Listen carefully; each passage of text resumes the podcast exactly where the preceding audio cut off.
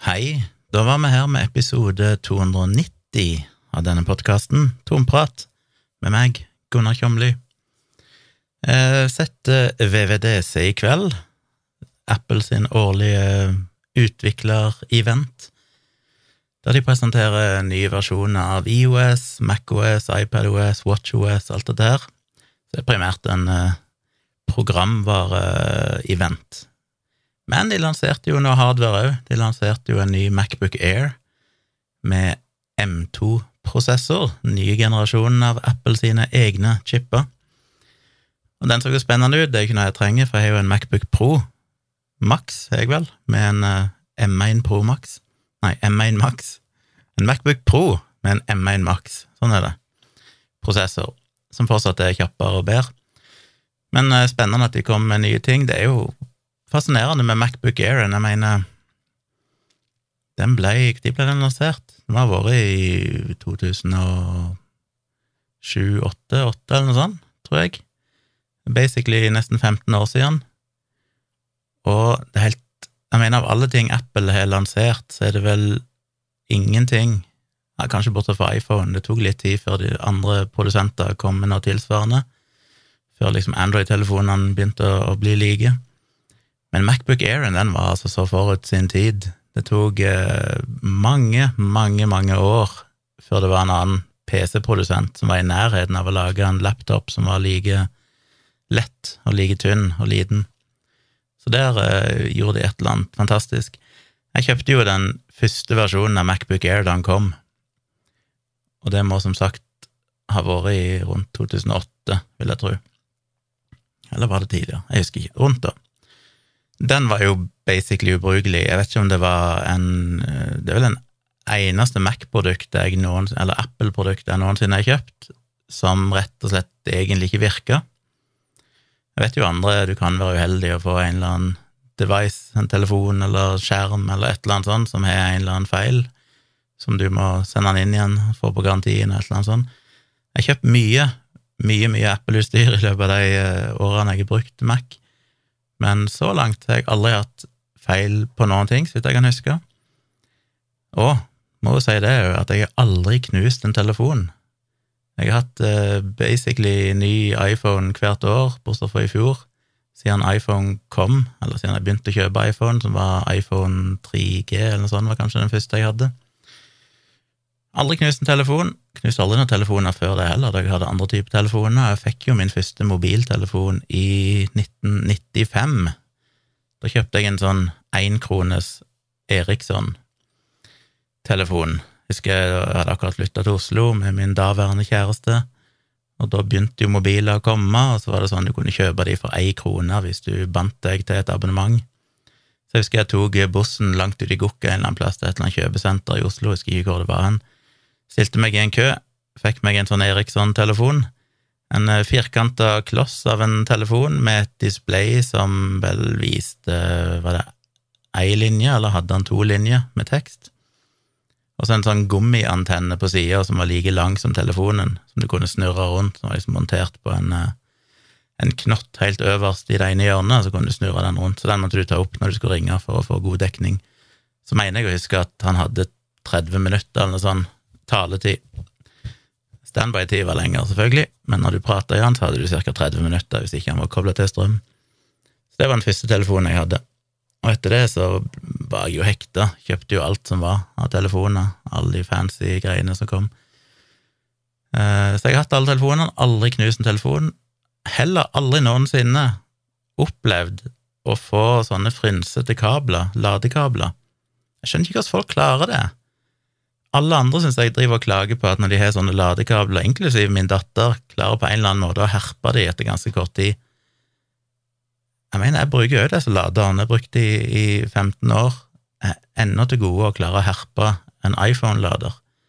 Så jeg skjønner ikke hva folk gjør med de. Hva, hva er det dere gjør, siden dere alltid klarer å få de til å bli frynsete, og liksom pluggen nesten faller av tuppen der, og skjønner det ikke. Jeg tror jeg bare behandler elektronikk fint. Og det er litt greit, for jeg har jo en tendens til å selge alt etterpå. Jeg kjøper ny, og så selger jeg den gamle, og så koster det ikke så veldig mye å kjøpe ny og oppgradere.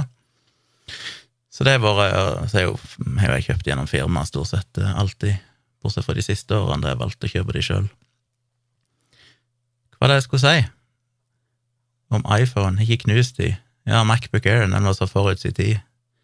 Og til og med nå, nesten 15 år seinere, så er det ikke mange altså, ja, Det har kommet sånne Macbook Air-kloner som er basically like små og tynne. Men det tok jammen sin tid. Jo, det jeg skulle si, var at den første Macbook Airen jeg kjøpte, var nesten ubrukelig. Den hadde um, en prosessor som gikk varm nesten umiddelbart hvis jeg gjorde noen ting som helst som krevde litt eh, CPU. Så jeg skulle for eksempel, jeg kunne ikke se YouTube-videoer på den. Hvis jeg trykte play på en YouTube-video, så gikk det bare noen sekunder, og så begynte han å hakke, og så sto bare prosessoren og stanga i taket fordi at han ble overopeta. Så jeg endte jo til slutt Jeg prøvde alt mulig. Jeg åpna den opp, tok av kjølevifta, fjerna den gamle kjølepastaen, satte på ny, dyr kjølepasta for å se om det hjalp. Jeg tror ikke det hjalp noe særlig. Det som til slutt hjalp, var at jeg kunne installere en sånn tredjepartssoftware som noen hadde laga så en bitte liten utility der du kan styre hvor mange volt og sånn som skal gå til prosessoren. Men der er det ikke noe fasitsvar, for hver prosessor er forskjellig, og det kommer an på hvor mye de tåler. Så det du måtte gjøre der, var basically å bare tweake verdiene i sånn, ja I sånn eh, Hva heter det? Desimaltallnivå. Litt grann opp, litt grann opp, og så boota maskinen, bruke den ei stund, se om han er stabil. Stort sett endte det opp med at han krasja, og så var det bare å reboote den i safe mode, og så skru ned volten litt, og så prøve å reboote den igjen. Sånn, sånn måtte en drive på helt til en liksom fant akkurat det nivået som akkurat den prosessoren takla. Så da funka den, hvis jeg kjørte den liksom under, uh, Ga den for lite strøm eller et eller annet greie. Jeg tror ikke han ble noe treigere av den grunnen. For det hadde vel bare med at han eh, da ikke gikk opp i maks, som han egentlig ikke trengte. Men ja, et eller annet iallfall. Så han måtte iallfall hacke det til, og da ble han noenlunde brukbar. Men det er den eneste maskinen jeg har hatt som sleit litt. Men nå, etter omtrent 15 år, så er de endelig redesigna Macbook Air. Det er jo ganske, ganske unikt i dataverden. Jeg tror ikke det er mange andre datamaskiner som har beholdt et tilnærma identisk design de har vel endra skjermen bitte grann, sånn, men på utsida, selve hovedfasongen på den har jo vært lik nå i 15 år. Og det er ganske imponerende. Men nå kommer de med en ny modell omsider, som nok kommer til å selge som varmt hvetebrød. De sier jo at Macbook Air er den mest selgende bærbare datamaskinen på markedet, av alle typer datamaskiner, alle bærbare. Og det tviler jeg ikke på, for den er jo genial til folk som ikke trenger de mest avanserte tingene, bare trenger en student-PC eller kontor-PC som er lett å dra med seg, god batteritid, alt dette her, så er jo den vært uovertruffen. Så det er jo litt kult. Um, var det noe mer? Ja, det kommer jo noen fine nye features til iPhone òg, når den softwaren endelig blir lansert, sannsynligvis i september, slutten av september, kommer sikkert IOS 16 med mulighet for widget på hjemskjermen og ja, en del sånne oppdateringer. Jeg husker jo aldri alt. Sitter alltid og ser på det og tenker sånn å, shit, så bra, å, shit, så kult. Og så går det ei uke, så husker jeg ingenting av det. Og når jeg omsider får den nye versjonen, så merker jeg ingen forskjell, for jeg husker jo ikke hva det som var nytt, egentlig. For det er jo litt spesielt med Apple, de sier jo aldri ifra om ting. Det er ikke sånn når du åpner mm, telefonen første gang, det hender hvis det er noen veldig store nye features, så kan det være på den oppstartsskjermen første gang at de sier et eller annet, men stort sett er alle features bare noe du må finne sjøl. Så det kan ha kommet masse nye innstillinger og sånn, men det er ikke når de forteller deg om at nå kan du gjøre sånn og sånn. Du må bare oppdage det. Så ofte må jeg inn og google og så finne en artikkel som beskriver alt det nye, så jeg kan liksom huske å gå inn og sjekke det, og eventuelt eh, se på innstillinger og sånn. Så er det jo en del nye kule ting, som at du kan bruke iPhonen din som webcam helt uh, uten noen form for konfigurasjon. Du basically bare Jeg vet ikke om du må holde den inn til skjermen, eller om du bare kan ha den i nærheten av datamaskinen din, men hvis du starter FaceTime, så kan du da kjøpe en sånn liten adapter, så du kan feste mobiltelefonen oppå skjermen din, også uten at du trenger å skru på telefonen engang. Trenger ikke låse den opp, trenger ikke gjøre noen ting. Så bare tar han i bruk telefonen som kamera, og den har jo vesentlig bedre kamera enn det som er innebygd i Mac-en. Så det er jo temmelig fancy, det må jeg si. Og så var jo iPadOS en, en kul oppgradering med at du nå kan bli mer datamaskinaktig, mer desktop-aktig med at du kan ha vinduer på skjermen. Det er ikke bare sånn at når du åpner en app, så bare fyller den hele skjermen, og så må du drive og bytte mellom de. Nå kan du ha flere apper oppe samtidig, og du kan òg øke oppløsningen på skjermen. Han kan simulere høyere oppløsning og sånn, så du får plass til mer. Ja, mye kos. Gleder meg til det. Uh, og det er jo høydepunkt for meg. Det er jo som jeg sier, det er pinse, men uh, jeg tror de har navngitt denne helga feil, for dette er jo julaften. Dette er julaften for meg. Det er vår uh, andre pinsedag, det har vært en helligdag, men det er vært julaften. Selv om julaften teknisk sett ikke er en helligdag. Men det er gøy. Selv om det har endra seg litt. Dette, det henger litt igjen for gamle dager, da var VVDC det var liksom store høydepunktet, men så er jo Apple etter hvert som de har vokst og fått flere produkter, så har de jo hatt flere events i løpet av året. Så nå er jo nesten den største eventen den som er i september, når de lanserer den fysiske hardwaren til den nye iPhone. Og så er det jo gjerne en event litt seinere på høsten, der de kanskje kommer med nye iPad-modeller og sånn, og så er det gjerne en i ja, mars eller noe sånt. Eh, så av og til kommer det nye maskiner, så det er gøy. Elsker det. Vi hadde fest på lørdag her i huset, en såkalt innflyttingsfest, veldig forsinka. Vi flytta jo inn rundt 1. november i fjor. Men det tok jo litt tid å få ting ferdig, og så er det vært vinter og sånn, og vi ønska å vente til vi hadde terrassen eh, snøfri, og det var varmt i været, og vi hadde fått på plass hagemøbler og sånn. Og det har vi. Så da kunne vi invitere noen gjester. Som vanlig ikke så mange som kom, det er nesten håpløst å samle folk, det er alltid noen det ikke passer for, men det kom en liten gjeng, fem stykker eller et eller annet sånt, fem-seks stykk, eh, som var supertrivelig.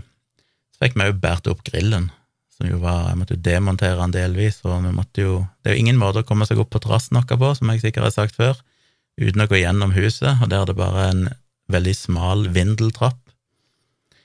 Så eh, det var litt krevende. Men med hjelp av en kompis av meg, så klarte vi akkurat å lirke grillen opp gjennom eh, gangen, opp gjennom trappa, gjennom stua, ut på terrassen. Så jeg eh, grilla mine famøse, er det riktig ord, mine berykta vegetariske burgere til alle. Jeg tenkte at når folk kommer nå, så skal jeg eh, prakke på de mine vegetariske burgere som jeg er så fornøyd med.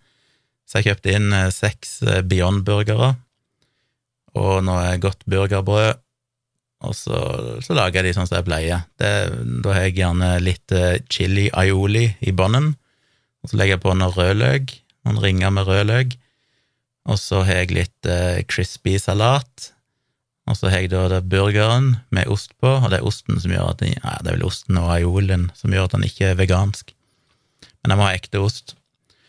Eh, Cheddarost som er smelta oppå, og så oppå der igjen så har jeg jalapeño, og så har jeg en eh, barbecue-saus på toppen. Og det er Jeg tenkte sånn, er det bare jeg som syns den er så god? Jeg syns den er så god. Han er bedre enn alle andre burgere jeg har spist ute. Men alle var enige. alle likte han. Det gleder mitt eh, semi-vegetariske hjerte. At folk satte pris på burgeren, syntes han var dritgod. Det var litt uh, uvant å gjøre det, for jeg har jo tidligere bare laga én eller maks to omganger, og da i steikepanna. Nå skulle jeg plutselig gjøre det på grillen, så jeg hadde jo kjøpt en sånn grillmatte så jeg kunne legge på grillen. Sånn nonstick-grillmatte. Eh, det har jeg aldri prøvd før, så jeg var litt sånn spent på hvordan det ville funka. Er jo en gassgrill. Men det funka egentlig veldig fint med den grillmatta. Så eh, jeg grilla seks burgere samtidig, var litt sånn stress, så jeg måtte liksom springe mellom kjøkkenet, altså ut på andre sida av boligen, på terrassen, og følge med på burgerne, og så tilbake igjen og drive og gjøre klar brødene og alt dette her. Men eh, det gikk til slutt, fikk håndtert seks samtidige burgere og servert de, og alle var strålende fornøyd, så det var trivelig. Lagde jeg en av mine berømte salater òg, en svær bolle med salat, og kokte litt ris til folk. Så hadde de med seg litt grillmat sjøl, så Trivelig. Natt til lørdag, altså natt til den eh, dagen vi hadde eh, innflyttingsfest, så, altså lørdagen som var nå, så ble jeg endelig ferdig med bryllupsbildene ifra Geilo. Og det var en, eh, en, jobb, og det visste jeg jo er en jobb. Det ble jo mange runder. Som jeg har sagt før, det er først en runde for å plukke ut, grovsortere bildene, og så en ny runde for å velge det jeg virkelig vil ha. Da satt jeg igjen med 650 ish bilder. Og så begynner jeg å redigere de, så jeg går først gjennom å grovredigere alle. Det tar mange timer. Skal sitte og gå gjennom ett og ett bilde, 650 stykk. Kan du tenke deg sjøl, det er ikke gjort på ett sekund per bilde heller. Og så er det å gå gjennom de en gang til, og sitte og finjustere individuelle greier på hvert bilde, og det er der jeg blir så usikker alltid, som jeg har sagt før. Det er den der usikkerheten. Det er en sånn blanding av skal jeg tenke hva som er teknisk riktig, eller skal jeg bare følge hjertet og si hva jeg syns er finest?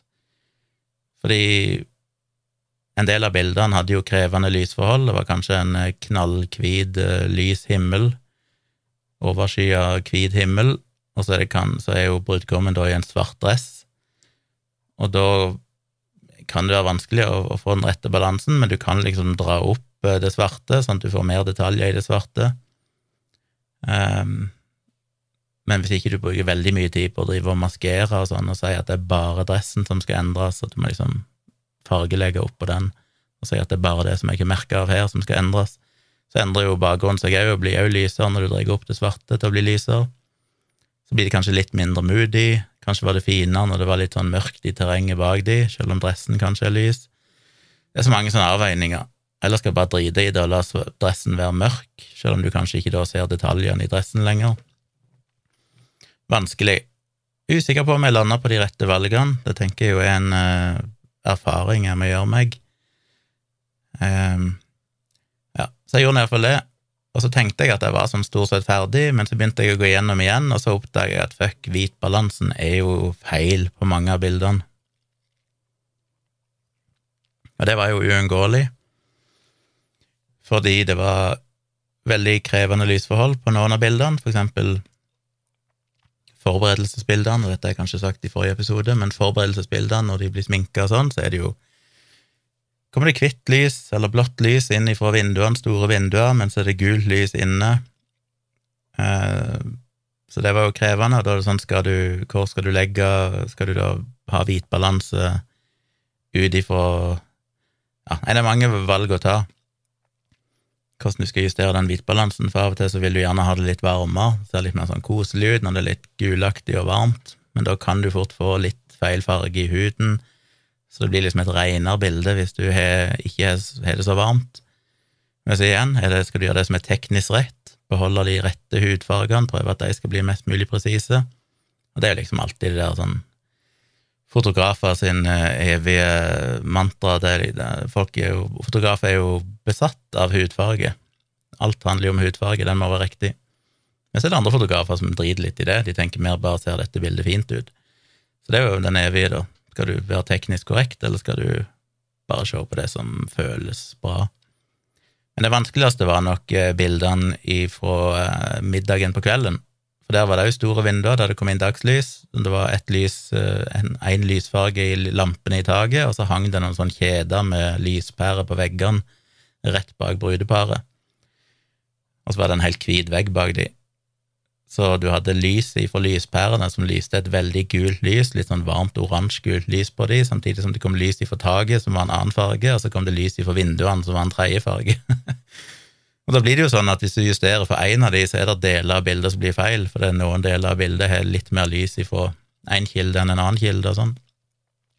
Så det var krevende, så det brukte jeg mye tid på siste natta. Jeg fant ut at shit, jeg må gå gjennom alle bildene på nytt og justere hvitbalansen, så det måtte jeg gjøre på alle bildene, basically. Så, men jeg fikk de ferdige. Jeg tror eh, brudeparet, så vidt jeg har hørt ifra de så langt, er de veldig fornøyd. Syns det ble et fint galleri. Jeg leverte jo òg et uh, slideshow til de, der jeg valgte ut de bildene jeg syns var best.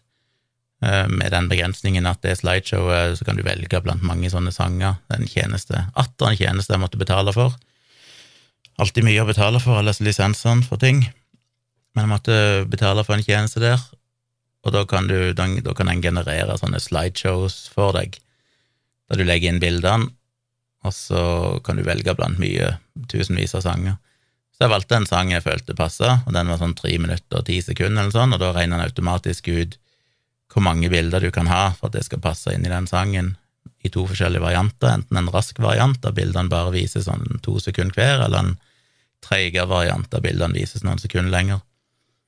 Så ut ifra det så valgte jeg ut det antall bilder som den sangen tillot, av de jeg syntes var best, men poenget var at jeg skulle fortelle en historie, så det ble ikke nødvendigvis bare de beste bildene, men, men mer de beste bildene fra hver del av dagen, ifra brudens forberedelse, brudgommens forberedelse, ankomst kirka, kirka med gjester, alt som skjer i kirka med vielsen, når de kommer ut og hilser på etterpå, gruppebilder, og så parbilder, og så ankomsten til hotellet der middagen skulle være, og så middagen og talene, og så festen på slutten.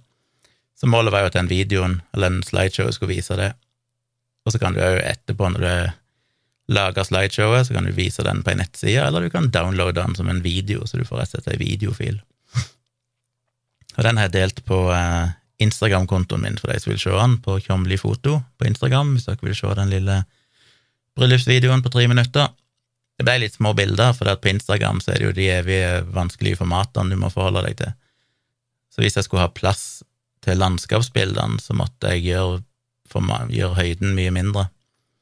Og Det betyr at høydebildene, de vertikale bildene, ble plutselig veldig små. Så det ble ikke helt optimalt, men det, er sånn jeg tester ut litt og finner ut av. Eh, men det er jo kun på Instagram. Jeg har forresten delt det på Facebook-sida mi òg, på Tjomli foto på Facebook, og der kan du se det i stort format. Hvis du vil se det skikkelig på stor skjerm, eller på full mobilskjerm, så kan du sjekke ut Tjomli foto på Følge den sida på Facebook. Og så leverte jeg òg en mobilapp til de, med bildegalleri.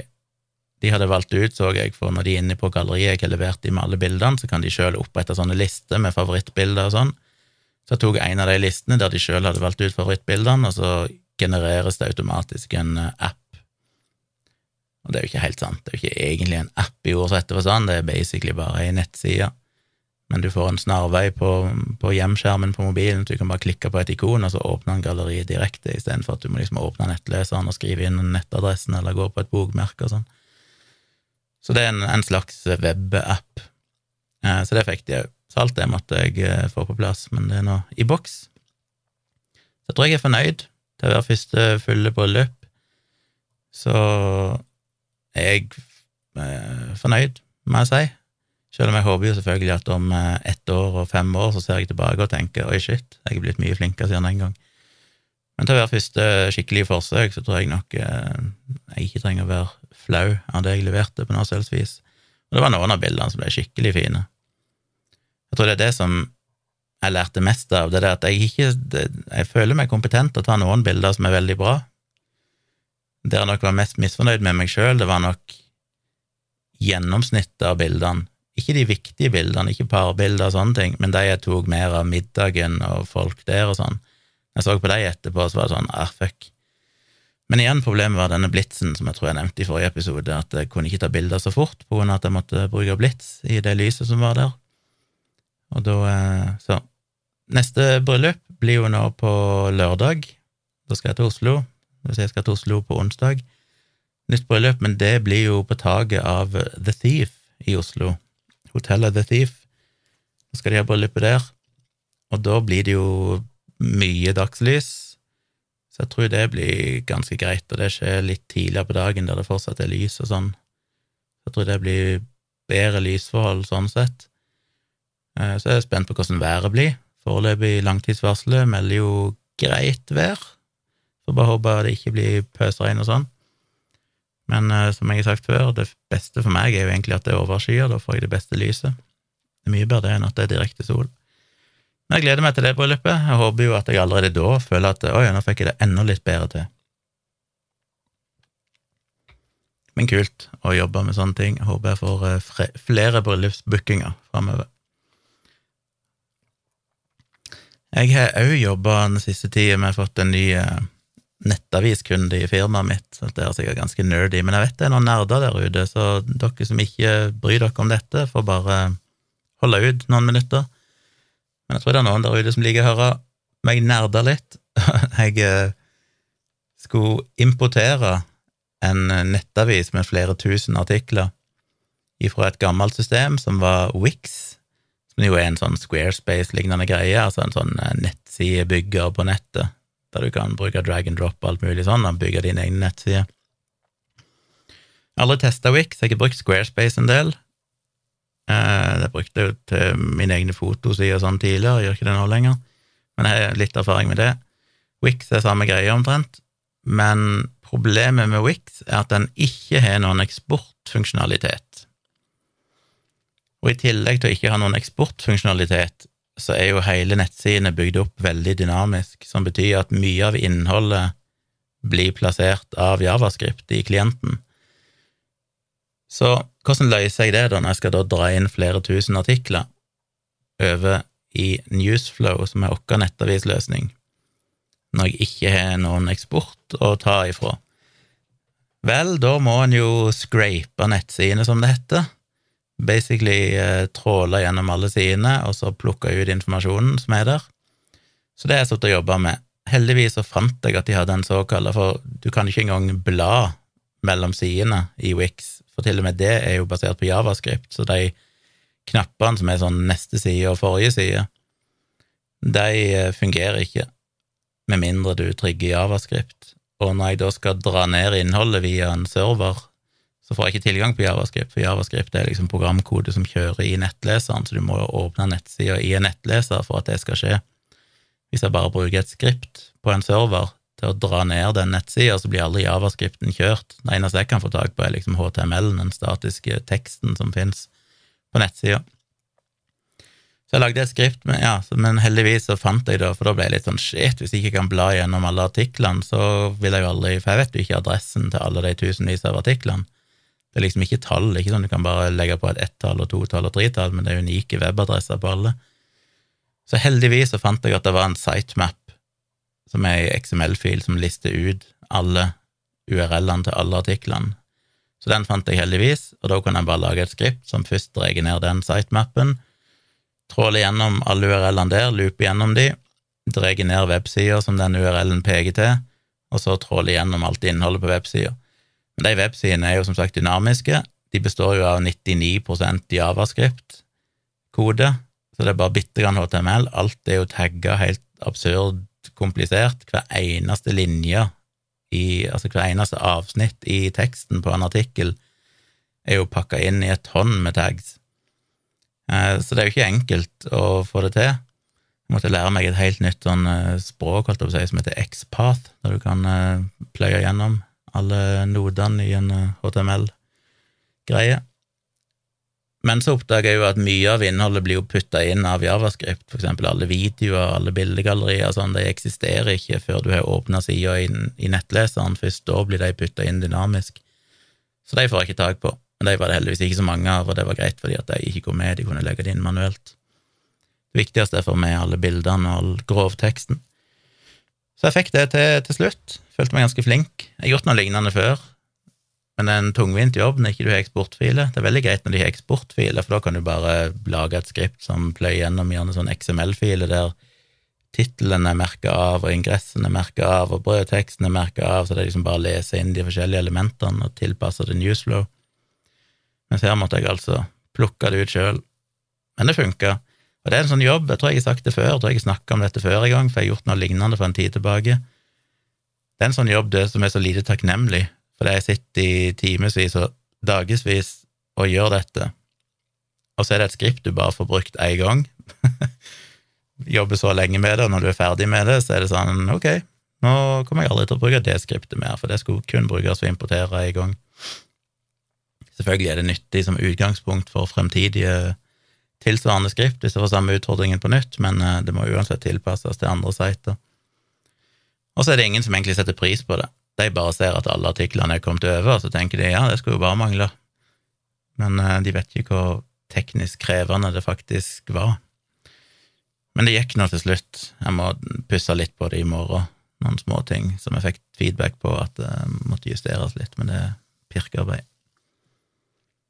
Jeg har òg eh, blogga litt mer, jeg snakket om det i forrige episode, da hadde jeg jo noen bloggposter. Jeg måtte dra til med en ny bloggpost der jeg tok for meg hun der eh, Margit Vea, som jo hadde en Facebook-post der hun øya seg hvor fælt hun ble behandla av Wasim Sahid og Ingeborg Senneset og den gjengen, Kaveh Rashidi og noe sånt, tror jeg, for det syntes det var så fælt at hun som bare var litt kritisk til vaksiner, sånn, og skulle bli kalt for vaksinemotstander, konspirasjonsteoretiker og bla, bla, bla som er ganske utrolig når du ser hva hun poster på Facebook-sida si. Liksom en av de siste postene fra 3. juni er sånn Mange tilfeldigheter. I simuleringen fra 2021 ble det fiktive utbruddet av apekoppviruset satt til 15. mai 2022. Denne datoen skulle vise seg å tilfeldigvis havne på samme uke som det virkelige internasjonale utbruddet av apekoppvirus ble kjent, ett år senere. Skjedde ikke det samme med koronaviruset? Øvelsen, simuleringen, fant sted under Event 201 oktober 2019. Av en eller annen grunn klarer ikke våre folkevalgte å få med seg dette, og om de er klar over det, så snakker de ikke om det. Sjukt! Og så hadde hun en post 28. mai hører om leger som drukner i krefttilfeller, dobling av trafikkulykker i mai, en epidemi med hjerteinflammasjon og økt dødelighet i flere land. Alt kan da ikke være tilfeldig. En klassisk eh, jacking off, just asking questions. Og det er utrolig at folk som kan skrive sånne ting, ikke vil Jeg mener, de må gjerne skrive det, men da må de vel være ærlige om at de er konspirasjonsteoretikere. Det er jo definisjonen av en konspirasjon, det de beskriver. Og hvis de da ikke vil stå for det, så skjønner jeg ikke helt hvorfor de driver og skriver sånne ting. Men hun var sur på dette med vaksinemotstandere og sånn, og så kom hun jo med en eh, påstand som egentlig den jeg helst ville drøfte, det var at uh, hun skriver hvorfor er det tabu å stille spørsmål om andre vaksiners bivirkninger, vaksiner som er produsert av de samme kriminelle legemiddelprodusentene som ikke har erstatningsansvar. Så da måtte jeg jo skrive litt om det der med erstatningsansvar igjen, som jeg har gjort før som jeg bare ikke kan forstå at ikke de kan få inn i skallen sin. At hvis, hvis du, som en helt vanlig nordmann, får en Pfizer-vaksine, for eksempel, og opplever en alvorlig bivirkning, mener hun virkelig, og alle andre som trekker fram dette her gang på gang med at eh, legemiddelprodusentene de slipper erstatning og bla, bla, mener de virkelig at det hadde vært bedre at du måtte gå til et privat søksmål mot multimilliard internasjonale selskapet Pfizer betale for advokater og alt dette her, og så bevise overfor deg at du hadde fått en vaksineskade, når alternativet er den løsningen vi har i dag, der staten tar ansvaret på vegne av legemiddelindustrien gjennom Norsk pasientskadeerstatning, og der de opererer med omvendt bevisbyrde. Alt som trengs å vises, er at det kan være vaksinen, og at det ikke finnes noen mer sannsynlig forklaring. Du trenger aldri dokumentere at det var vaksinen. Hvis jeg fikk Pfizer-vaksinen, og så fikk jeg eh, hjerneslag dagen etterpå, selv om det ikke er en kjent bivirkning for vaksinen, så det finnes ingen dokumentasjon på at det er vaksinen, det er kanskje ingen logikk i at det skulle ha noe med vaksinen å gjøre. Eh, det kan godt være at eh, det ikke er oppdaga noen andre tilfeller av den sammenhengen, sånn at det mest sannsynlig bare var en tilfeldighet, men allikevel, så kan du få erstatning, for du trenger ikke bevise at det må ha vært vaksinen, du kan bare trenger kun å vise at det kan ha vært vaksinen, eksempel med at det skjedde kort tid etter du fikk vaksinen. Og så må det da selvfølgelig må da Norsk pasientskadeerstatning ikke kunne bevise at du eksempel hadde en historikk med slag eller et eller annet sånt, eller hadde slått hodet ditt kraftig dagen før, eller et eller annet sånt som er, kan være en mer sannsynlig forklaring. Men altså det at du helt gratis kan bare sende en søknad til Norsk pasientskadeerstatning, og eventuelt da få erstatning eh, Jeg kan ikke fatte hvorfor disse folkene mener at det er en dårlig løsning. Vi kan gjerne fjerne Norsk pasientskadeerstatning og si at når det er en pandemi, så er det vaksineprodusentene som må stå erstatningsansvarlige. Men da skjer to ting. Den ene er at det blir jo helt umulig for den vanlige personen å få erstatning, stort sett. Og nummer to, de fleste legemiddelprodusentene kommer til å slutte å lage vaksiner fordi det er ikke så mye penger i det, og de fleste har jo allerede lagt ned nettopp på grunn av at på 70- 80-tallet så var det så sinnssykt med sånne grunnløse søksmål som senere viser seg jo at det var, hadde jo ingenting med vaksinen å gjøre, men de endte opp med å måtte betale ut store erstatninger. Eh, og det ble for dyrt, så de bare sa fuck it, vi gidder ikke lage vaksiner, vi orker ikke ta det, det, den kampen. Og Da oppretta jo USA òg en sånn tilsvarende løsning med at de òg tok da erstatningsansvaret. Men det er jo heller ikke gratis for legemiddelprodusentene, de må jo betale en forsikringssum til den norske stat hvert år for at Norsk pasientskadeerstatning skal ta det ansvaret for dem. Så det er jo noe som Den jobben er jo på en måte finansiert delvis eller helt, eller vet ikke hvor pengesummen, pengesummen det er snakk om, men det er ikke gratis for legemiddelindustrien å slippe å ha det erstatningsansvaret. Det er jo noe de faktisk betaler Norge for å gjøre. Så det forklarte jeg. Og så skriver hun videre burde ikke helsepersonell stilt de samme kritiske spørsmålene om virkningen av eksempel HPV-vaksinen, nå som vi ser tilfeller av livmorhalskreft har økt dramatisk siden de startet med vaksineringen, samt fertilitetsproblemene øker. Og da tenkte jeg ok, stemmer det, er det økning i tilfeller med livmorhalskreft? Og det er jo en sannhet med store modifikasjoner. Det har vært en markant nedgang i antall livmorhalskrefttilfeller siden 70-tallet, og det er jo primært av celleprøver og screening. Um, og så kom jo vaksinen, HPV-vaksinen, i 2009, og så fra 2013 så var det en liten økning, og så sank det litt i Ja, det sunket litt, og så gått litt opp igjen og litt ned igjen, og så videre. Og det sank vel litt i 2020, av pandemien, og da utsetter jo folk eh, å gå og sjekke seg og sånn, så de regner jo med at det vil være en økning i 2021 og 2022, når folk plutselig går til legen, og så får de kanskje påvist livmorhalskreft, som de normalt ville ha fått påvist året før hvis det ikke hadde vært pandemi. Men det er riktig det at det har vært en, en, liten økning.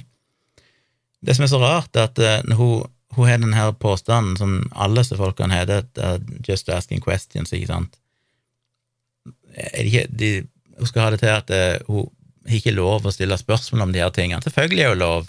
Det er jo det forskerne gjør hele fuckings tida. Det er jo hele fundamentet i vitenskap, det er at vi stiller de kritiske spørsmålene, danner en hypotese, utformer studier for å prøve å teste den hypotesen.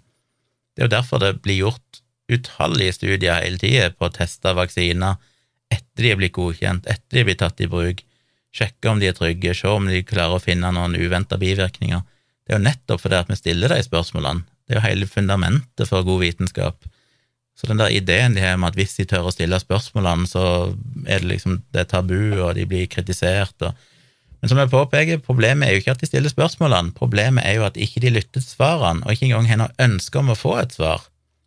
Fordi hvis hun hadde bare kikka på Kreftregisteret sine sider, så forklarer de jo denne økningen.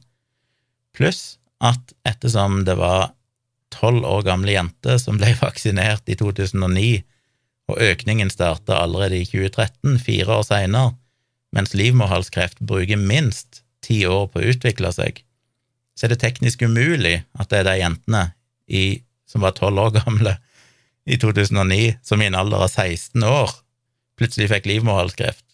Det er jo bare tull, det er jo ikke den aldersgruppa det er økt i. Det er jo økt i eldre kvinner, som da åpenbart ikke har fått denne vaksinen, og ikke har tid nok eh, Ja, det er bare, det er bare et kaos. Altså det finnes, Uansett hvordan du vrenger og vrir på de tallene, så er det helt umulig å få det regnestykket til å gå opp. Men det plager hun selvfølgelig ikke.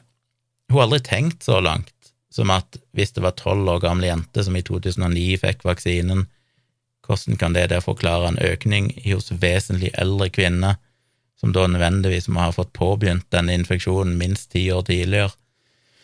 Det er altså så håpløst, og det er det som er så fuckings provoserende. Litt som med George Gooding, dette at de blir så provosert over at de blir kalt vaksinemotstandere, for de er jo ikke imot alle vaksiner. Men det er jo ikke det som definerer en vaksinemotstander. Ta meg sjøl, jeg er ikke pro Jeg er ikke positiv til at vi skal innføre vaksine i barnevaksinasjonsprogrammet mot uh, uh, Hva er det? Røde hunder, er det ikke det? De har det i USA, men de har ikke innført den i Norge fordi det neppe er nyttig, og den sykdommen er veldig ufarlig for unger og sånn. Eh, vanskelig å se for seg at den vaksinen egentlig skulle, skulle, være, vært, skulle være samfunnsøkonomisk forsvarlig å ha og sånne ting. Så det gjør ikke meg til en vaksinemotstander, og det gjør ikke noen andre heller til en vaksinemotstander. Du er ikke en vaksinemotstander hvis du sier at jeg syns ikke at folk under 40 burde få covid-vaksiner. Det er en helt legitim eh, mening. Det er en mening jeg sjøl har hatt. Jeg var sjøl usikker på om unge folk burde vaksinere, spesielt de som var under 18. Det som gjør deg til en vaksinemotstander, det er måten du argumenterer for det standpunktet på, nemlig at du bare publiserer dårlige studier, studier som gjerne er diskreditert og tilbakevist lenge før du poster noe om dem, studier som kan være rene forfalskninger, studier som hvis du bruker litt tid på å se på de skjønner at denne her studien viser jo ikke det du hevder at den viser. Det er det at de deler disse evinnelige statistikkene om hvor mange på sykehus som er vaksinert og sånn, uten å forstå hvordan de dataene blir samla inn, og at det ikke sier noen ting om vaksinens effekt, som jeg skal komme tilbake til etterpå. Eh, og dette her med just asking questions, at det er så mange ting som det allerede finnes svar på, som er besvart for lenge siden, det finnes gode forklaringer, men de velger gang på gang å stille disse spørsmålene, som kun har én funksjon, eller egentlig to, og det er at de skal fremstå som kritiske og smarte, som at de har tenkt på noe som ikke andre har tenkt på. De har sett noen skumle tendenser som ikke myndighetene vil snakke om. Og så er det å spre frykt. For det er når du bare stiller de her spørsmålene hele tida om kommer med en påstand om vaksinen som er skummel, så er det klart at det bidrar jo til at andre blir skeptiske til vaksinen. Men de er aldri interessert i svarene. Du kan gi de svarene, og så vil de to dager seinere komme med akkurat den samme påstanden på nytt. Eller til og med der de gjerne finner grunnlaget for påstanden, så står svaret, men den ignorerer de. Et eksempel er det sånne her bivirkningstallene fra Legemiddelverket, der de kommer med påstander om hvor mange alvorlige bivirkninger det er. Selv om i den nøyaktige samme rapporten der de henter tallene, så står det veldig tydelig forklart at det ikke betyr at det er noen som helst sammenheng mellom disse bivirkningene og vaksinen, pluss at det en definisjonen av en alvorlig bivirkning er jo ikke det som folk tolker som alvorlig på folkemunne. Det betyr ikke at du er blitt alvorlig skada, det betyr bare at det er en alvorlig medisinsk hendelse. Det kan være at du får eh, alvorlige ting som at du kan få allergisk reaksjon, selv om 100 av de ser ut til å bli helt fine igjen i løpet av noen timer, når de bare får medisinsk behandling med en gang. Det kan være at du besvimer av sprøyter, som ofte rett og slett skyldes at du bare er sprøyteskrekk, men det, hvis du besvimer og tas inn til observasjon på sykehuset, så blir det registrert som en alvorlig medisinsk hendelse. Og som de skriver hos Legemiddelverket, så er jo så godt som alle sånne her folkene friske igjen. Men det sier de aldri. De fremstiller det jo som at disse alvorlige medisinske hendelsene er da folk som er blitt skada for livet, eller daua, like etter de fikk vaksinen. Og det er så fundamentalt uredelig, og det er jo når du driver på på den måten, mot bedre vitende, for du må jo vite det hvis du hadde gidda å bruke to sekunder på å sjekke ting. Det er jo da du er vaksinemotstander, for da har du kun én agenda, og det er å være kritisk til vaksinene. Litt som George Gooding poster ting etter ting som er kritisk til vaksinene, selv om han burde vite bedre, selv om det har blitt forklart før, selv om meg og mange andre har forklart han hvor han tar feil hen, men så korrigerer han aldri seg sjøl. Han poster ingenting som er liksom, han ikke poster én ting som er positivt om vaksinene, han poster ingenting som korrigerer tidligere påstander han har kommet med, som viser seg å være feil. Så det er en kontinuerlig sånn negativ agenda, og da vil jeg kalle det vaksinemotstander. Anyway, den bloggposten ligger jo på tjomli.com, så les gjerne den, og del den gjerne videre hvis dere vil det. Og så har jeg jo merka meg, for nå er det jo en liten stund siden jeg har engasjert meg så mye i denne covid-debatten, men etter jeg begynte igjen nå de siste uka, og skrev disse bloggpostene, og da kom jo alle disse vaksinemotstanderne og angriper meg på Twitter og sånn. Og det er blitt åpenbart, og det husker jeg diskuterte litt med Wasim Sahid og sånn òg, han sa det samme, at det er merkelig nok blitt en slags idé nå om at disse folkene hadde rett hele tida. Og ikke minst at det nå er bevist at vaksinene ikke virker. Og det er jo to ting der, eh, tre ting jeg må påpeke. Den ene er jo en påstand inne på Saksynt eh, Facebook-sida, der jeg posta bloggposten, og så ble det en debatt under. Og Der var det ei som het Anita, som skrev at uh, nå var det jo bevist at de fleste som var lagt inn på sykehus i nyere tid nå, i Norge, var jo vaksinerte. Og det sto i, i statistikkene til FHI så parerte jeg først med at ja, men det er jo fordi de aller fleste er vaksinert. Da vil det, i, i absolutte tall så vil selvfølgelig òg da flest vaksinerte bli syke. Men så sa jeg nei, men det var ikke bare i absolutte tall, det var òg per 100 000. Og da stiller jo saken seg annerledes. Så tenkte jeg det må jeg jo faktisk gå inn og sjekke, kan det virkelig stemme? Så går jeg inn, henter ut uh, ukesrapporten fra FHI, og den er ikke helt den nyeste ukesrapporten der er fra eh, ja, Den er vel et par uker gammel, tre uker gammel. Fra 16. mai til 22. mai er den siste uka de har lagt ut data for nå. Så de er jo litt på etterskudd hele tida. Så kan jeg begynne å kikke der på hva er det, hvem er det egentlig som er blitt lagt inn. Og da For det første så skriver jo FHI sjøl i den rapporten som hun henta tallene fra, Siden begynnelsen av vaksinasjonsprogrammet har vaksinerte pasienter enten grunnvaksinert, altså de som har fått to doser, eller vaksinert med tre doser, generelt hatt høyere medianalder, og en større andel har hatt risikofaktorer som fører til moderat eller høy risiko for alvorlig forløp av covid-19 enn uvaksinerte. Andelen som har risikofaktorer som fører til moderat eller høy risiko for alvorlig forløp av covid-19, er høyest for de som har mottatt en tredje vaksinedose. Den samme trenden ser man for de som er innlagt på intensivavdeling, og for de som mottar ventilasjonsstøtte. Så allerede der har vi jo mye av forklaringa, som jeg har jo sagt mange, mange ganger før og skrevet om i tidligere bloggposter, dette her med at du kan ikke bare sammenligne vaksinerte med uvaksinerte direkte uten å korrigere for underliggende sykdommer, aldersfordeling og sånn.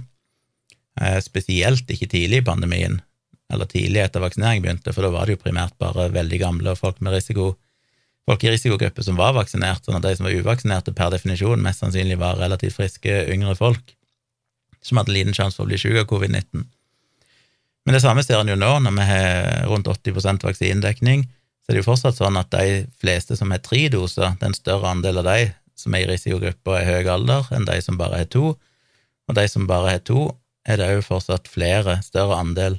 Så du kan jo tenke deg at det er nok veldig få av de uvaksinerte som er i Det er noen, eh, som jeg snakket om i podkasten tidligere, men veldig få av de som faktisk har sånn tydelige underliggende sykdommer, eller er veldig gamle. De fleste av de velger å vaksinere seg.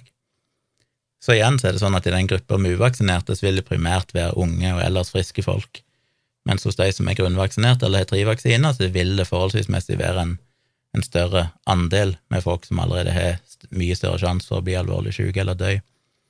Så du kan ikke direkte sammenligne gruppene. Og hvis du da ser på statistikken, eh, så ser du at de som har havna på sykehus i det siste med covid-19, per definisjon er jo de som blir alvorlig syke. Altså, det er jo først når du blir alvorlig syk at du havner på sykehus. Og hvem er det som mest sannsynlig blir alvorlig syke? Jo, det er jo selvfølgelig de eldste og de med underliggende sykdommer.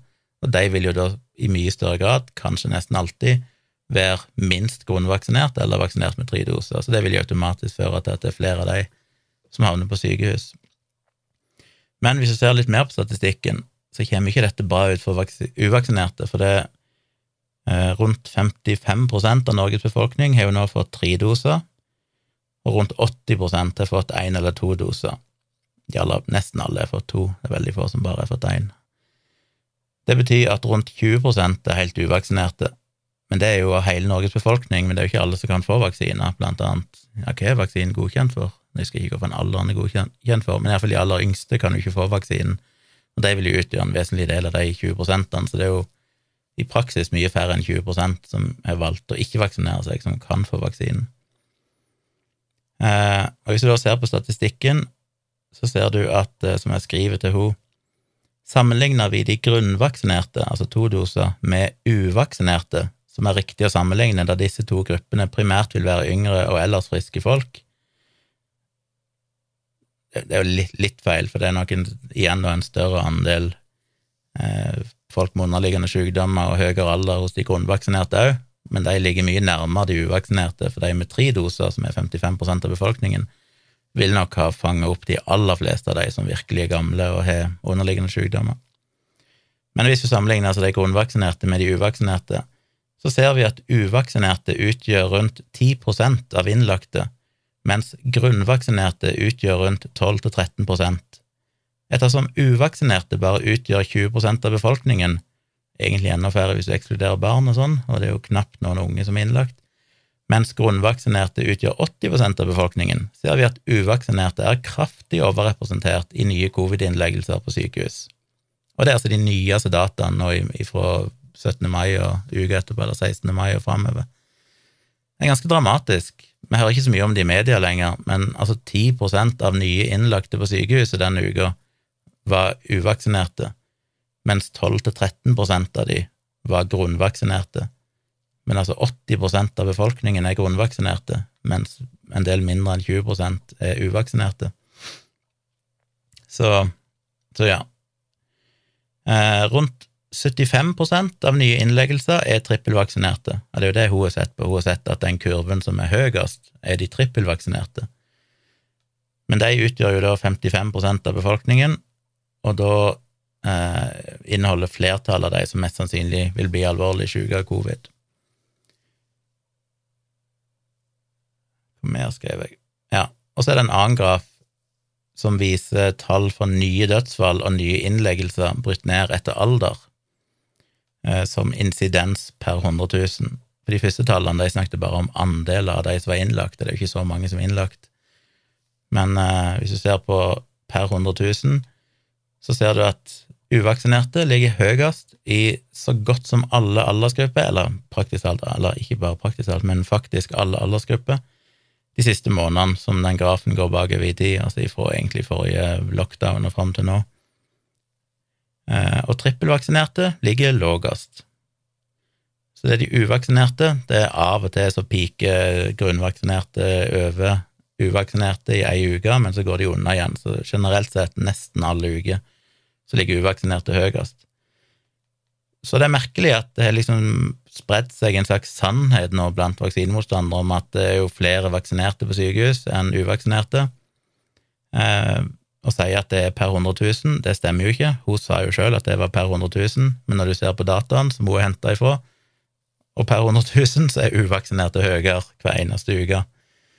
Og hvis du ser på andeler på sykehus, så er det riktig nok det at eh, trippelvaksinerte utgjør nesten 80% av de innlagte men sammenligna med eh, hvor mange i befolkningen som er trippelvaksinerte og grunnvaksinerte, eh, satt opp mot hvem som er uvaksinerte, og hvor stor andel de utgjør, så kommer jo uvaksinerte selvfølgelig mye dårligere ut. Men dette er jo sånne ting de aldri vil forstå. En kan jo forklare det så mye en vil, men det vil nok aldri gå inn. Og det er jo deprimerende, rett og slett. Og så må jeg ta et eksempel på en annen ting de har fått for seg, så er det jo det med at eh, nå er det jo bevist at uh, uvaksinerte og vaksinerte smitter like mye. Det har FHI sjøl gått ut og sagt. Og så er det jo den, den der evinnelige, og ja, jeg har sagt det før, men, men, dette her med at de har fått for seg at eh, hvis at enkelte studier viser at smitta folk som er uvaksinerte og blir smitta, og folk som er vaksinerte og får gjennombruddssmitte, de er like smittsomme overfor andre folk. Og jeg har sagt det før, at ja, de har kanskje like mye virus på peak-nivået, men de som er vaksinerte og blir smitta, de, de, der blir virusene redusert i kroppen omtrent dobbelt så fort som hos uvaksinerte. Så totalt sett, over hele perioden de er syke, så er jo uvaksinerte smitta mye, mye mer smittsomme. Men sjøl om en hadde god, godtatt det premisset om at de faktisk var like smittsomme, la ikke si at ja, ok, dere er rett, folk som er vaksinert og folk som er uvaksinert, som blir smitta, er akkurat like smittsomme. Er det fortsatt unødvendig å vaksinere seg?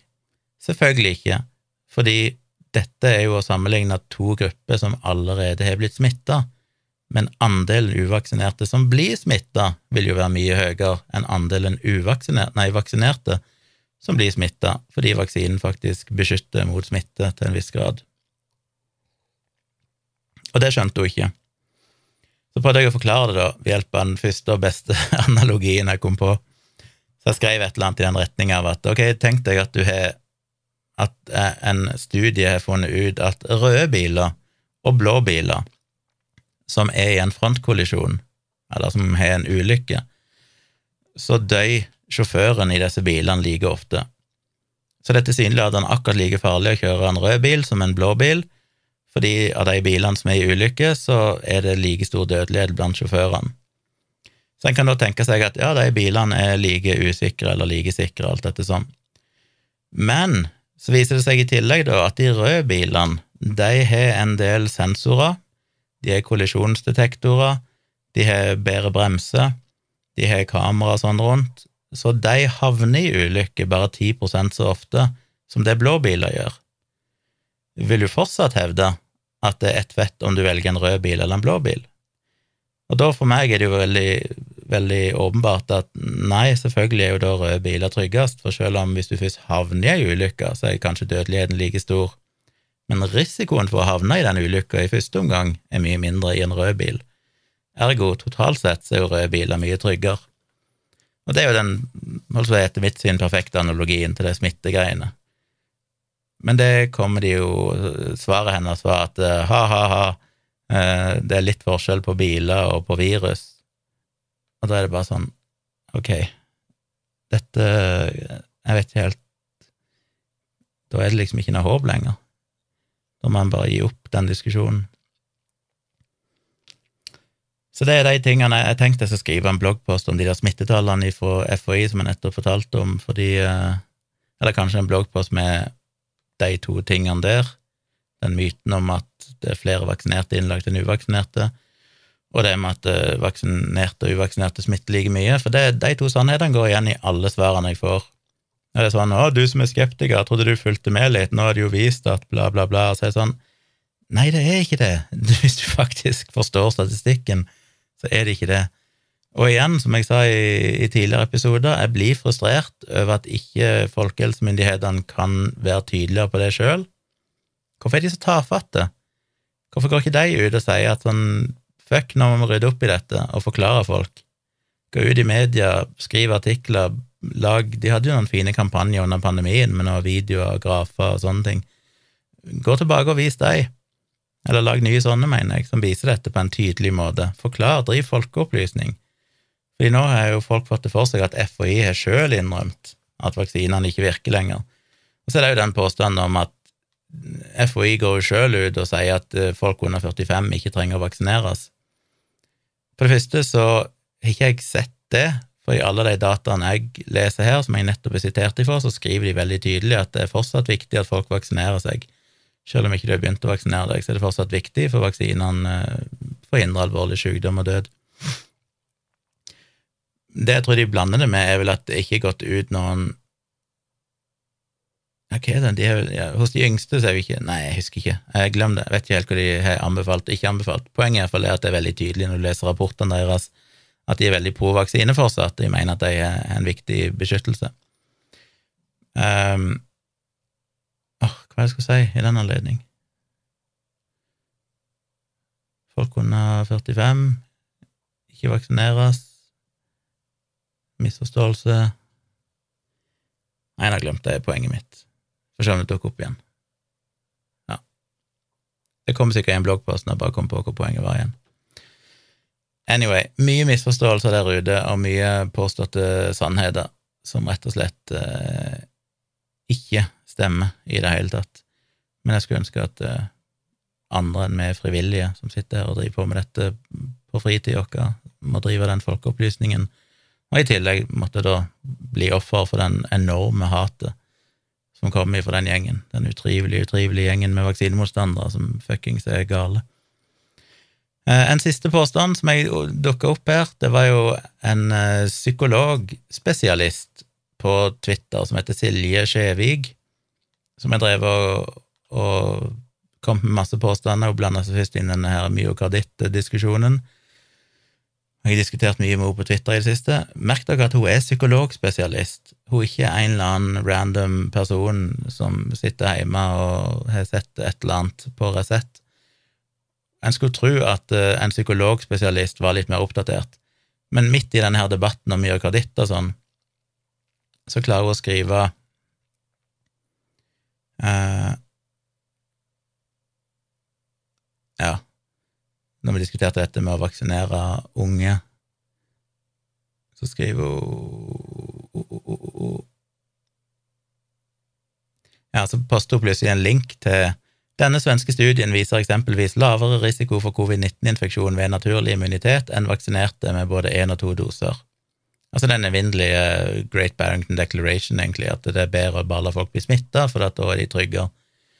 Så svarte jeg jo, men uh, naturlig immunitet betyr at man allerede har blitt smittet fordi man hadde null beskyttelse. Rart at dere alltid glemmer at naturlig immunitet ikke oppstår uten sykdom, og da en versjon som har mye større sjanse for alvorlig forløp enn hos vaksinerte som smittes. Og så svarer hun sant nok, derfor bør de som er i risiko for alvorlig forløp, ta vaksinen, mens unge, friske folk kan la være. Så svarte jeg en betydelig andel med underliggende risikofaktorer i alle aldersgrupper vet ikke om det selv. Det tryggeste er således å vaksinere alle. litt eh, dårlig setning av meg der, men poenget mitt var jo at det er jo veldig mange som har underliggende risikofaktorer, som faktisk ikke vet om det. Det er ikke sånn at folk går rundt og vet at de er i risikogruppe. Noen gjør det hvis de har lider sterk fedme, eller har diabetes, eller enkle sånne ting, eller har noe lungesykdom fra før og sånn, eller er over en viss alder. Men veldig mange tilsynelatende unge, friske folk kan ha underliggende risikofaktorer som de ikke vet om, fordi de merker det ikke før de får en virusinfeksjon, og da slår det ut et eller annet. Og Det er jo vårt argumentet til Gooding òg, at vi må bare vaksinere de som eh, har risikofaktorer. Vi trenger ikke vaksinere de som ellers er unge og friske. Men det er sånn, ja, men hadde vi visst hvem som var unge og friske alltid, eh, så hadde det vært lett. Vi vet også hvem som er unge. Det Men hadde vi visst alle som var i risikogruppe, så hadde jo ting vært mye lettere. Problemet er jo at vi ikke gjør det. Derfor er det best å anbefale vaksinen for alle. Og så svarer hun hadde vi visst sikkert at vaksinen var trygg og effektiv, så hadde jeg støttet en slik tankegang, men det vet vi faktisk ikke om denne er enda, fordi den er nødgodkjent. Mange har varslet om store farer ved teknologien, tiden vil vise hvor mange som skades unødvendig. Og der er det jo bare fullt konspikjør. Jeg mener, dette er det jeg blogga om i to år nå, alle disse påstandene om at mRNA-vaksine er farlig og sånn, alt har jo vist seg å være tull. Og så er det jo rart, da, at vi Nå er ikke de mest oppdaterte tallene, men det er vel vaksinert et par milliarder mennesker med to til tre doser. Det vil si det er gitt flere milliarder doser, sannsynligvis, av disse mRNA-vaksinene, av hundrevis av millioner, hvis ikke over en milliard mennesker i 18 måneder, og vi har fortsatt ikke sett disse store, forferdelige bivirkningene som de snakker om. Det er litt sånn, men hvorfor en verden lever dere i? Det argumentet kunne gitt mening ei uke etter vi begynte å vaksinere, eller to måneder etter vi begynte å vaksinere, kanskje. Men til og med da så hadde en jo folk som hadde vært med i fase tre-studier helt ifra slutten av juli 2020. Og de på det tidspunktet hadde jo da gått vaksinert i mange, mange måneder uten å oppleve disse bivirkningene. Så i den grad det dukker opp bivirkninger, så er de per definisjon veldig sjeldne, sånn som vi har sett med myokarditt og sånn. Fordi eh, hvis de ikke hadde vært så sjeldne, så hadde en sannsynligvis fanga de opp i de fase tre-studiene, de godkjenningsstudiene. Ja. Så jeg skjønner ikke at du kan at Jeg bare skjønner ikke når de kommer med den påstanden her, for de kommer jo til å si det alltid. Om ti år så kommer jo noen til å hevde at ja, men vi vet ikke langtidsvirkningene. Kanskje de slår ut om 15 år. Det blir helt umulig å diskutere på det grunnlaget. Men så iallfall så skriver hun, så svarte jeg tja, man har gitt noen milliarder doser eller så i 18 måneder, og ingen ukjente alvorlige bivirkninger i noen stor skala er avdekket, og det pågår en pandemi som har drept rundt 20 millioner. Litt usikker på hvorfor man da kan vekte det dit hen at det er best å vente. Så svarer hun poenget er at det hadde holdt å vaksinere identifiserte risikogrupper. Det er de samme som dør med covid nå etter massevaksinering som før men etter vaksineringen startet, har også unge, friske folk en økt dødelighet. Og det var der jeg ble nysgjerrig, for det var nytt for meg, at etter vaksineringen så har altså unge, friske folk hatt en økt dødelighet. Så spurte jeg om jeg kunne få en kilde på det. Eh, så sier hun vi har bare observert en overdødelighet blant unge, friske folk som ikke fant sted før massevaksineringen. Jeg tror ikke noen har funnet en forklaring på hva den skyldes ennå, eller om den er større blant vaksinerte enn uvaksinerte. Det gjenstår å se. Så igjen, just asking questions, ikke sant. Hun sier at vi vet ikke hvorfor det er, vi vet ikke engang om det har noe med vaksinen å gjøre, altså om det er mer overdødelighet blant vaksinerte enn uvaksinerte, men hun velger å trekke det fram, bare sånn for å kunne skremme litt. For i hennes verden, så hvis det er et sånn eh, overdødelighet, som hun påstår, så må en selvfølgelig anta at den eh, er knytta til vaksinen, selv om det finnes et utall med andre faktorer som kan ha ført til den overdødeligheten etter at pandemien starta, eksempel at lockdown-tiltakene har ført til økt dødelighet gjennom selvmord og bla, bla, bla. Eh, men det er jo bare liksom trekke det inn i en diskusjon om vaksiner som om det er ikke umulig at det er vaksinene som gjør det. Men allikevel, klok av skade, så heller enn å diskutere det, så vil jeg først være sikker på at det faktisk har vært en overdødelighet.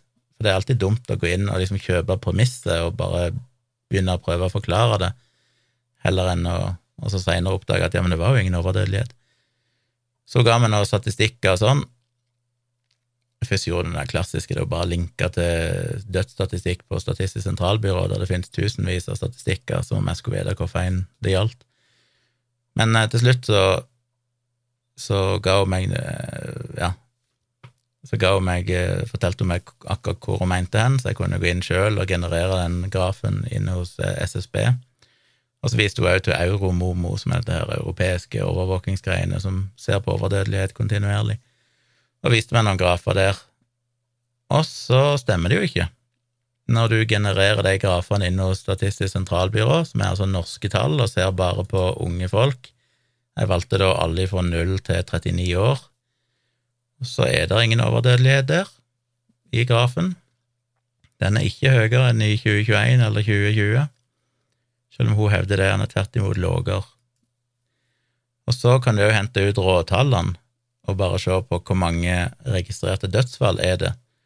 Og hvis du da ser på kun de som er fra null til ja, da valgte jeg opp til 34 år, siden vi har diskutert unge folk her, så kan du se tallene hvert år for hvor mange som er dødd i disse aldersgruppene, hos menn og kvinner, og det er ingen økning fra 2018 og fram til 2021. Det er ingen trend som viser at det var en overdødelighet i 2021, som er det hun sikter til da, hvis hun mener etter vaksinering. Tall for 2022 er jo ikke der ennå, siden ikke 2022 er ferdig.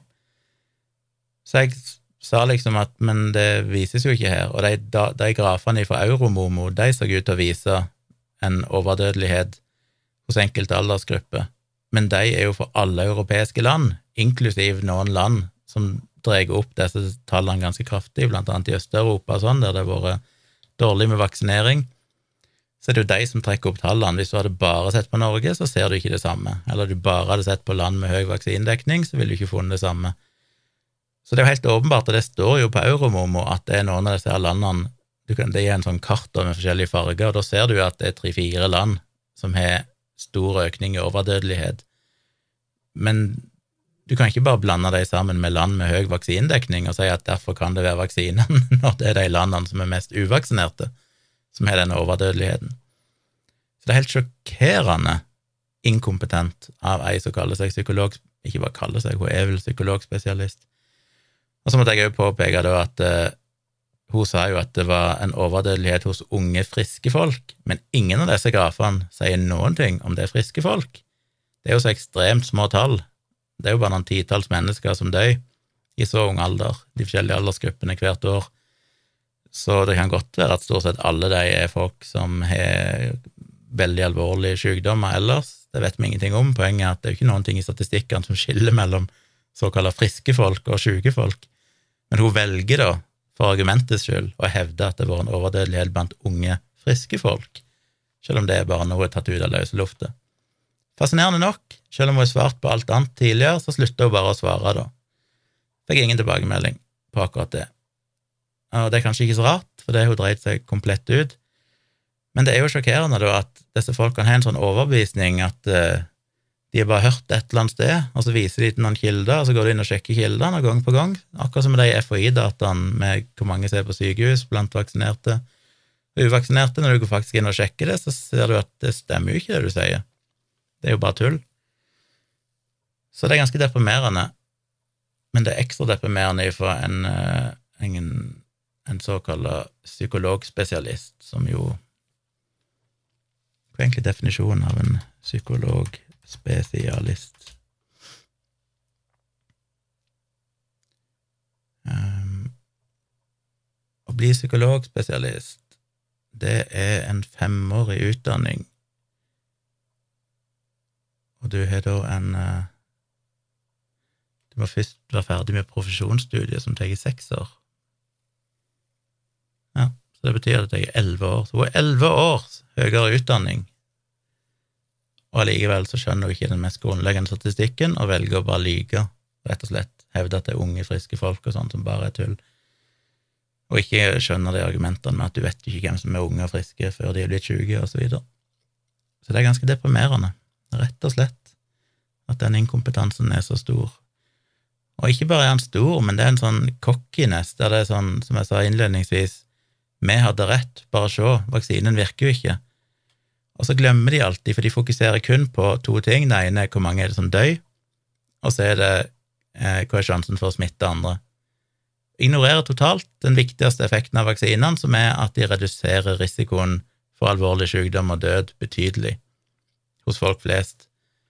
Sånn at det er en grunn til at vi nå har færre og færre som blir innlagt på sykehus. Det er en grunn til at vi kunne gjenåpne samfunnet. Uh, ja, vi ble delvis hjulpet av omikron-varianten, men dette, dette, denne trenden starta jo allerede når vi, vi, ble vaksinerte. Da synker jo risikoen for alvorlig sykdom og sånn betydelig. Men det bryr de seg ikke om, de har ikke skjønt det. De ser bare på ja, kan vaksinerte og uvaksinerte like lett bli smitta. Da er jo vaksinen ubrukelig. Så nei, han er jo ikke det. For selv om du blir smitta som vaksinert, så er det fortsatt en veldig mild sykdom du får kontra det du ville fått hvis du var uvaksinert. Og det ser vi jo på statistikkene fra sykehuset, der uvaksinerte er betydelig overrepresenterte. Så jeg blir litt uh, deprimert, ja. Men uh, jeg tror det var alt jeg hadde å si. Jeg ranta nok. Jeg må prøve å få plotte alt dette her ned i en, uh, en bloggpost. Selv om det føles litt fornyttes. men jeg fikk jo en tilbakemelding i dag på Twitter, blant annet fra en som sa han var lærer, Eh, og han satte veldig pris på det blogga, brukte, brukte, det i undervisning. Det har fått flere som har sagt at de bruker det skriver i undervisning, og bruker det til å liksom lære vekk kritisk tenking, og òg bruke argumentene i debatter de har med andre og sånn. Og da blir jeg jo veldig glad, for det er litt sånn at ok, så kanskje det føles forgjeves, det føles som at du kan forklare dette her i teskje-modus til disse folkene, og det går allikevel ikke inn så er det fortsatt nyttig, iallfall når lærere kan bruke det til undervisning på skolen. Det er jo der jeg helst vil eh, det jeg mener det vi snakker om mange ganger, dette med å få kritisk tenking inn så tidlig som mulig, er veldig viktig. Så det, jo, det gjør jo at jeg kan tenke at ja, ja, selv om det kommer masse haters og skal angripe meg, og selv om disse folkene aldri kommer til å forstå det, uansett hvor, hvor banalt jeg forklarer det, så har det fortsatt eh, nytte for andre, forhåpentligvis så jeg burde vel kanskje ta meg bryet til det. Og så er det jo hyggelig at når jeg blogger, så får jeg faktisk noen få, ikke mange, men jeg har kanskje fått et par-tre eller noen sånne nye patrons. Jeg tror ikke jeg får mer patrons av blogger enn av å, å ha podkast og sånn. Og så er det noen som kjøper kaffe til meg via buymeacoffee.com slash civics, der det er sånn knapp inne på bloggen min der du kan trykke på, så kan du kjøpe meg virtuelle kaffer, og det er litt gøy. Det er jo bare sånn engangsstøtte, da, der jeg får noen kroner. Ikke så mange kroner, men alt hjelper. Det er veldig hyggelig. Det gjør iallfall at når jeg sitter i så mange timer og jobber med dette her, så er det hyggelig å, å få noen hundrelapper i retur av og til. I sum. Selv om det er ganske dårlig timebetaling.